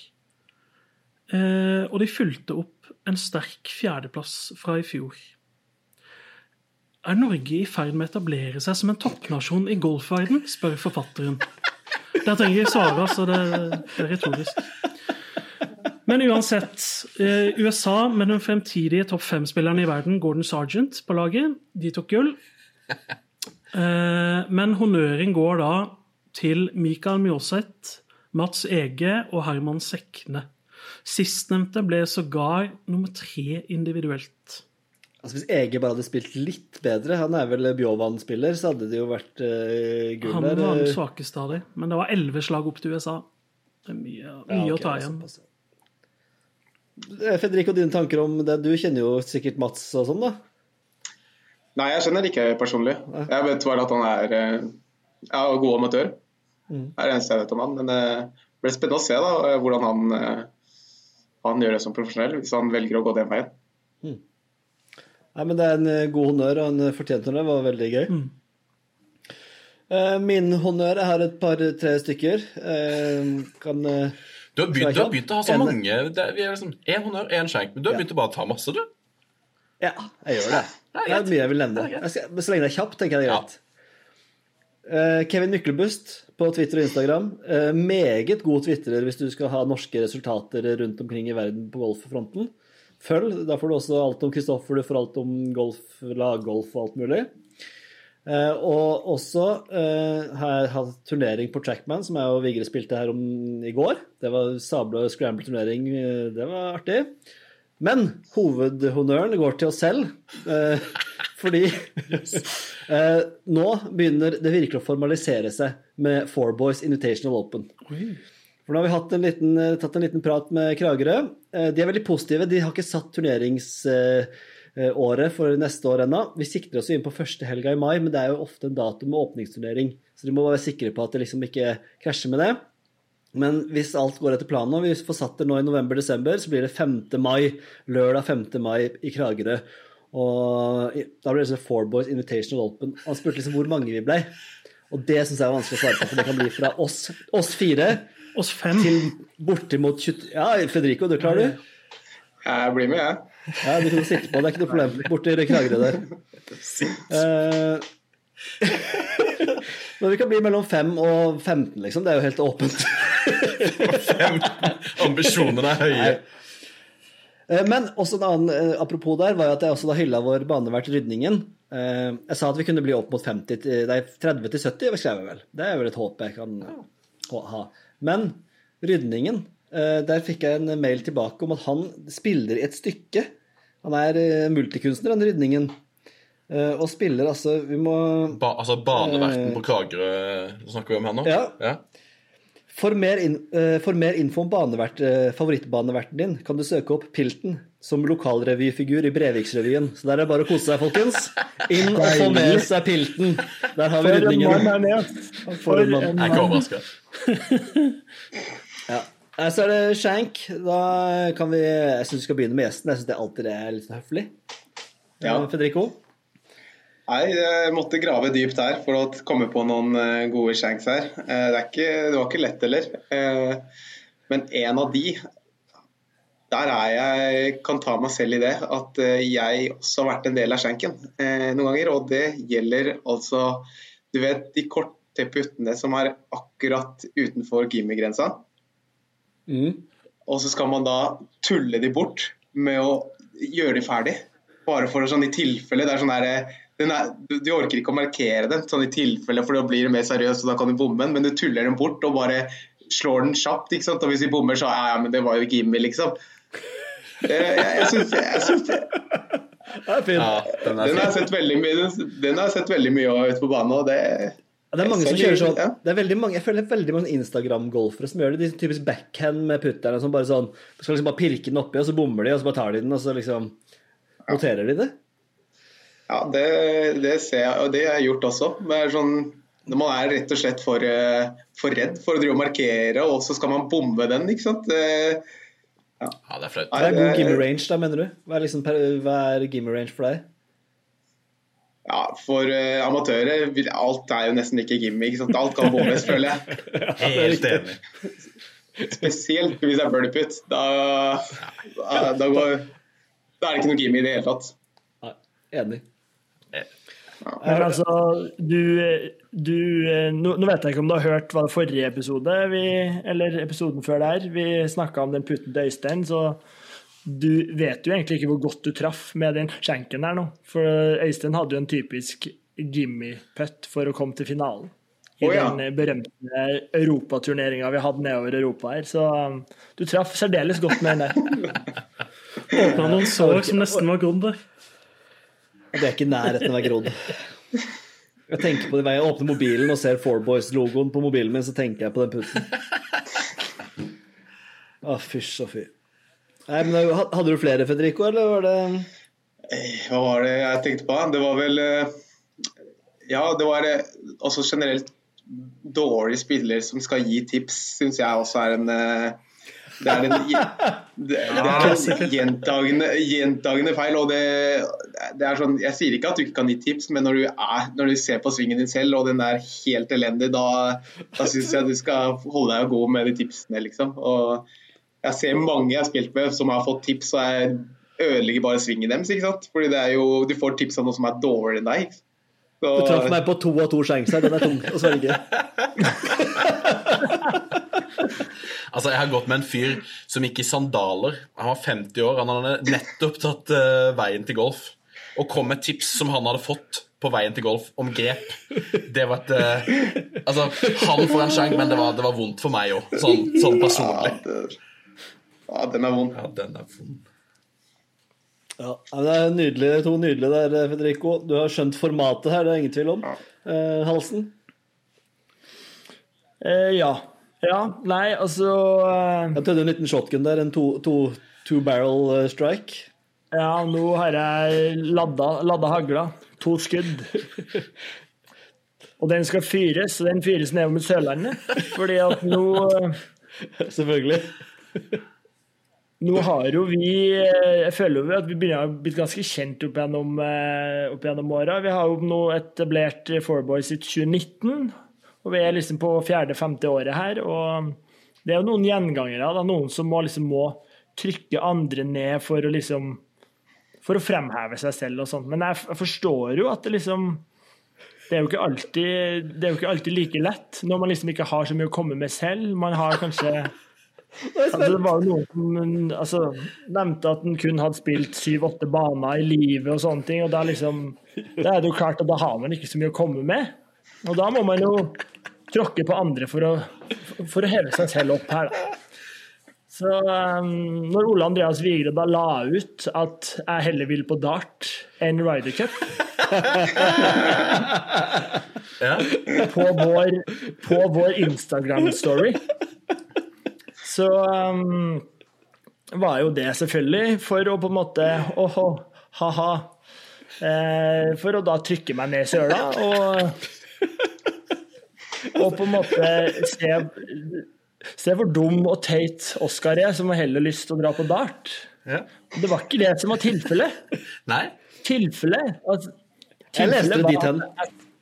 Hva sa du, Sten? Jeg leste det også dit hen. Jeg, jeg var i vantro underveis i podkasten. Du sto, sto i det, men fortsett. Ja. Nei, altså for, for de som har hørt podkasten, så, så sier jeg det at trøkket, stemninga i seg selv på darten, tror jeg overgår Ryder Cup. Men det vil ikke si at jeg heller vil dra på dart enn å dra på Ryder Cup.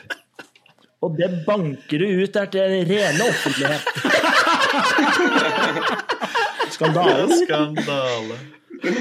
Så jeg, så jeg For Altså, de da, altså, min- som tviler der ute for de, for, for de der som tviler der ute, så Så jeg har allerede satt meg på interessentlista til Limerick 2027 på Ryder Cup. Skal aldri dra på dart hele mitt liv. Få det bort. Jeg bare har en liten fotnote til dette, den der eh, skjenken der. Eh, Altså Hanne, min fru, kom her oppriktig og spurte du er du Oskar Ole Andreas, er det liksom uvenner, eller? Da kan jeg bare melde at altså, Forholdet mellom meg og Oskar det har aldri vært bedre. Er du ikke enig, Oskar? Jeg, Jo da, jo da, er det. det nei, det er godt. Det, men eh, nei da, fin- fin eh, den dagen, eh, den dagen du har litt å komme med selv, vet du, så kan du på en måte kanskje legge ut noe story om deg selv, og det blir Ja. fint for deg når du har fått deg Jeg gjør det sjøl. ja. Neste. Eh, Jeg kan ta Nei, min. Oskar hadde to. Uh, Ja. Nei, det var, det var to igjen. Jeg bare banka på litt ekstra på den ene. Ja, det er greit. Det er greit. Jeg har Min knallharde skjenk går til folk som har det så forbanna tøft. Altså, jeg, altså Jeg er så lei av folk som vinner, og som har hatt det så jækelig tøft i livet. Altså, de har hatt det, det har vært som motbakke. Jeg skulle ikke tro at de kunne, at de kunne stå på beina. Senest eksemplifisert av Champions Tour-vinner Harrison Frazier. Vinner der. Han har ikke noe dårlig liv, men han har hatt det så sinnssykt tøft. Alt han har vært gjennom med familien og alt før han kunne vinne denne turneringa. Altså, spar meg for det pisset der. Han kan spille golf på heltid og trene seg til Champions Tour. Da har du det ikke ille. Og alt han har vært gjennom! Alt han har vært gjennom! Jeg orker det ikke. Jeg blir så, du vet ikke hva han jeg blir så steike. Av hva han har vært gjennom. Han har, han, han har vunnet en golfturnering og vunnet 20 millioner kroner og kunne satse på golf i hele livet sitt. Da kan du spare meg for det der dritet med at han har hatt det så toff. Han har vært veldig toff. Ja, Ja, ferdig. noen Mannemann da? sånn Alfa Bjerkestrand her. Helt Nei. buskøkka. Ja, men, ja, er du ikke enig? Li, nei, det er ikke Du vinner en turnering, og han har Det er ikke bare penger det handler om. Nei, Men- han har spilt golf hele livet. Det er det gøyeste som fins. Bare en liten innstikker til Champions Tour. Jeg satt jo litt sånn som Øystein sa her om kvelden, og liksom OK, hva skal jeg se på? Hva, er det noen nye serier? Skal vi inn på YouTube og eh, søke på Shane Lowry, eller hva, hva skal vi gjøre? Så landa jeg på Champions Tour. Så det, Koser deg med er Bernhard Langer. Men hva syns du, at, uh, jeg, kan hva syns du jeg kan fortelle deg at jeg, jeg var ikke lenge innom der. Fordi at eh, der regna det, og de hadde ikke kommentatorer. Og eneste du hørte, var at det regna. Det er tungt. Da er du Og det er liksom eh, Altså, Champions Tour i regn, når du bare hører at det regner, det Selv du har en grense der. Men eh, Federico, Ja. hva tenker du om Oscar sin skjenk der? Eller min. Nei, ja, eh, Bjerkis, Nei, ja. Er det ikke lov til å ha det kjipt selv om du er rik og spiller golf? Det som er, det er jo også, jeg tenker En bra film må inneholde kjipe perioder også, ikke sant? Så, så det er jo For at historien skal bli bra, så må det være noe kjipt også. Og det er det de selger, de pegaterfolka. Det, ja, det, er, de, gjør, det- de gjør det litt kulere å følge med på, da, å følge med på folk som har hatt det kjipt, enn folk som bare har hatt det bra hele tida. Ja, det, er, sikk- det er sant, det. men, men Harrison Fraser, altså 60 år og vinner på Champions Tour Nei. Og så tok jeg en skjenk til TGL òg, for jeg, jeg kjøper det ikke, det TGL-greiene. Jeg, jeg har ikke troa. Nei, ikke heller. Og nå, nå så jeg en oppdatering på det at eh, nå har de jo landa De har 24 spillere. Masse store navn. Og så er greia at det er seks lag, fire personer på hvert lag. Men hver turnering så er det bare tre av de fire spillerne uh, som spiller. Så det er ikke sånn at alle spiller hver eneste turnering. De rullerer litt på hvem som stiller og sånne ting. Det var den eneste nye informasjonen jeg fikk. Jeg skjønner fortsatt ikke hva, hva det egentlig går ut på, annet enn at det er simulatorgolf på en stor stadion. De, Eh, de bygger jo opp på kliss lik samme måte som Liv bygget opp til Liv da det skulle begynne. Samme type farge, fargepalett og store bokstaver og caps lock og Ja, fanden så har du kommet Men de selger det som et sånn eh, entertainment-produkt. De, Har det kommet lagnavn ennå? nei, Ja, det er ikke langt unna. det må jo komme, det. Nei, jeg orker ikke hvis det skal bli Ja, sånn må- samme greier. Nei, det føles veldig sånn. Vi må bli ferdig, stakkars eh, Federico. Vi, vi må ta resten av skjenkene, Stian. Din. Uh, ja Um, Jeg var litt i tvil på hva jeg skulle gi skjenk, og så kom jeg over noe på På eh, Instagram, eh, var det vel. Ehm, et sånt språklig fenomen som har irritert meg ganske lenge. det er, ikke, du, det er ikke ofte man ser det, men når man først ser det, så blir det litt sånn eh, Ja, det er det samme greia som noen, når noen anbefaler noe ydmykt. Eh, at du liksom du, du har, har lyst til å kaste opp litt i munnen. Jeg er så spent nå. Altså, jeg er så spent. Uh, ja. Min irritasjon er da personifisering av stedet. Ja. Eh, Jeg vet ikke om dere kjenner det igjen, men jeg kan komme med noen få eksempler her. Som eksempel man legger ut et bilde og skriver 'I kveld var du fin, Oslo'. Ja Yes! Takk for denne gangen, København. Vi ses igjen snart, Mosambikwe. Eller 'Du viser deg fra din beste side i dag, Dombås'. Den Kan vi ikke bare slutte med det? Kan vi ikke bare slutte med det? Eh, Jo da. 100 Når- enig. Kjempeskjenk. Altså, Noe av det jeg kunne vært, jeg kunne vært truende til lagt inn igjen eh, i, i kveld er en fin Ja, det kunne du. Ja, det kunne du. Det, det vet vi. Du har sikkert Jeg hatt håper ikke vi har lagt ut noe sånn med Four Boys, eller kommer til å gjøre det. Håper vi ses igjen snart, Bynese. det tror. Den, eh, den ligger i i til Oskar. I kveld var du fin-rydningen. Den, den går. En personifisering av en er, person. Det, det, ja, det er jo akkurat det man skal gjøre. Siste skjenk, Vigre. Fantastisk, Stian. Den er sterk. Språklig fenomen. Da hadde du meg på tuppen av stolen der, Stian. Å, fy og fy. Ja, da blir jeg Ja, helt sånn her lærerhumor, vet du. Jo, min skjenk um, ja, den, Jeg slenger på en kort forhistorie som ikke har noe med skjenken å gjøre. Men jeg skulle spille simulator med, med Øystein i går. Uh, gleder meg til det. Var liksom var fornøyd. På grensa til begeistra.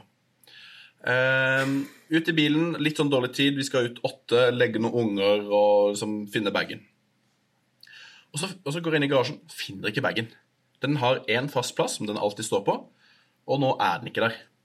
Og da rekker jeg tenke altså, Da blir jeg sånn forvirra, stressa, på tid. Eh, og så finner jeg den ikke på den ene andre plassen den har stått en gang. Klør meg i hodet, skjønner ingenting. Eh, blir litt på grensa til lei meg. Klør du fysisk, eller bare liksom bi- billedlig? Både og. Eh, og da har jo jeg Det her er litt voldsomt for meg, for nå har jo jeg vært gjennom hele mitt følelsesspekter fra på grensa til begeistra til eh, sur og litt irritert. Eh, men så, så finner jeg den i eh, takboksen eh, på bilen til slutt. Ferdig med den historien. Kommer meg til uh, Men, eh, men, men husker du ikke at du har lagt den i takboksen? Det er jo fuckings fem-seks uker siden jeg har spilt golf. Jeg har jo kjørt rundt med den golfbagen oppi i takboksen til Oslo. Og til, altså jeg har, den har vært med på Var det, var det når vi spilte i Hauge? På Hauge? eh, For da hadde du den oppi der. Da hadde jeg den oppi der. Nei, det var én gang tidligere. Men ja, det kunne, det kunne nesten vært det. Jeg hadde bare flaks at jeg kom på det. Uansett. Eh, simulatorgolf var ikke sånn egentlig helt klar. Det var første gang eh, for meg nå denne sesongen. Tenkte ja, ja, vi prøver oss på en sånn scramble-turnering som er på Fevik. Der det er sånn, det er en deilig simulator, for det er, det er ett stort rom med sofa og bord, og du har alt for deg sjøl. Perfekt plass å ha det. Kjøleskapet, Pepsi Ja, Max og Twix. Og det er ikke sånn ti etter hverandre, så det er masse andre folk der. Men min går Altså, jeg elsker eh, Birdie-huset, som de kaller seg, den simulatoren. Men der er det altså et eh, bord som er et vanlig rektangulært bord i forbindelse med en hjørnesofa. Det bordet har tre vanlige eh, bein i hvert hjørne, mens det fjerde hjørnet, der er selve beinet eh, simulatoren. Så hvis du kommer borti bordet sånn bitte grann, så tar du jo feilstilling på hele simulatoren. Så skjenken min går til Birdie-huset, som velger å sette liksom trackmanen sin som et stol, eller som et bordbein. Så den var jo helt feilinnstilt. Ja. Så når vi slo, så var det sånn Her er det noe rart. Vi dro varma opp, og vi slo Jeg slo mer venstre enn jeg pleier å gjøre, for å si det sånn. så jeg tenkte i helsike for noen tall som dukker opp her. Det er jo det helt rare greier. Og så ser vi på Trackman, altså det, det, den er jo litt feil. fra og, fra å måler Jeg, litt. jeg, kom, jeg, kom, in, jeg kom innenfra, Ja. så den er grei. Bjerkestrand kom innenfra og ut. Så her, da, det var da vi skjønte da da alarmen Ja, det var da alarmen begynte å komme. Bare han, han har ikke de tallene der. Og så må vi drive med målestokk drive og justere den og rette den opp. Eh, greit nok. Og da følte vi det, det ble noe bedre. Men på puttinga og det var, det var jo irriterende seg sjøl. Vi driver jo egentlig ikke og putter på simulator, men den turneringa vi, vi var meldt på, så er jo settingene er jo satt, så vi måtte putte. Uh, men da måtte vi jo sikte tja, 30-40 cm høyere for midten. Skjønner dere? At den, den, den var fortsatt helt sånn feiljustert. Det var så utrolig irriterende. Så å velge å ha eh, en trackband til flere hundre tusen som et eh, bordbein, det det er min sjekk. Bevegelig trackman i det hele tatt. Altså sånn Ja, helt, sjukt. ja. ja, Vill vurdering. Vil vurdering. Nei, men Her var det mye godt i dag. Jeg syns det var eh, mye, mye, mye med trøkk i, med pondus fra alle kanter. Federico, det har vært en ære å ha deg med oss. Nå var det, har det gått greit, syns du? Ja, det er koselig, det. Det har vært ja. en ære å få blitt med. Deilig. Og så er det deilig at du skal være med på, på Four Boys Invitation Open. Det gleder vi oss til. Og det, det er ikke sikkert Federico, at det er det siste gang du er med på den, for det her var veldig gøy. Eh, det, det må jeg bare si. Ja, vi får se. Det var morsomt å være med. Det er bra. Men, du, du får si ifra når du skal over dammen og besøke eh, brorsan, så blir vi med. Det er ikke noe å tenke på. Ekstra soverom der. Med, da blir det en god gjeng med Viktor og Kristoffer ja, ja. og dama. Det blir bra, det. Jeg har hørt litt death, death metal i min ungdom, så jeg har litt sånn Jeg har litt eh, Jeg har noe Hva heter det for noe? Noen, eh, ikke variabler, men eh, referanser? referanser. Ja, takk. Ja, men når det gjelder musikksmaken, så kan vi gi en skjenk til den musikksmaken også, faktisk. For den er helt på trynet. Du er ikke, Eller, du er ikke der? Nei, nei det, har dere hørt musikken, eller? Ja, ja. Ja, Eller, eller du, du kan ikke kalle det musikk, da, men eh, det er jo Nei, faktisk. Jeg begynner å lure på om det er tull, jeg. Ja, men du, jeg har nesten lurt på det òg, om på en måte jeg, jeg har Men litt image òg, at han syns det er å være han som hører på den sjuke musikken. Jeg tror han koser seg litt med det. Helt sikkert. Jeg har sagt det til ham liksom, at nei, det her kan du ikke høre på. Liksom. Hva er det for noe? Men han, han legger det ut på Instagram, og han har jo den playlisten på bioen og sånn, så han liker det litt inne, innerst inne. Så Ja. Han har jo til og med tatt sånn Har han ikke betalt for å ta sånn derre eh, singing lesson? Sånn growling og han, Jeg tror han liksom testa det ut litt, sånn bare for gøy. Er det sant? Så jeg tror han er ordentlig interessert, liksom. det vet ikke jeg nå. om. Nei, men er Fantastisk at du ble med, Federico. Vi, eh, vi holdt oss under halvannen time. Det er jo en ny rekord, så den er grei. Veldig hyggelig alle sammen at eh, dere var med. Stian Grødum, vi tar praten din om en uke, vi. Takk for i dag. Takk for i dag og på gjenhør neste uke. Ha det bra, Federico. Ha det bra. Ha det. Ha det bra.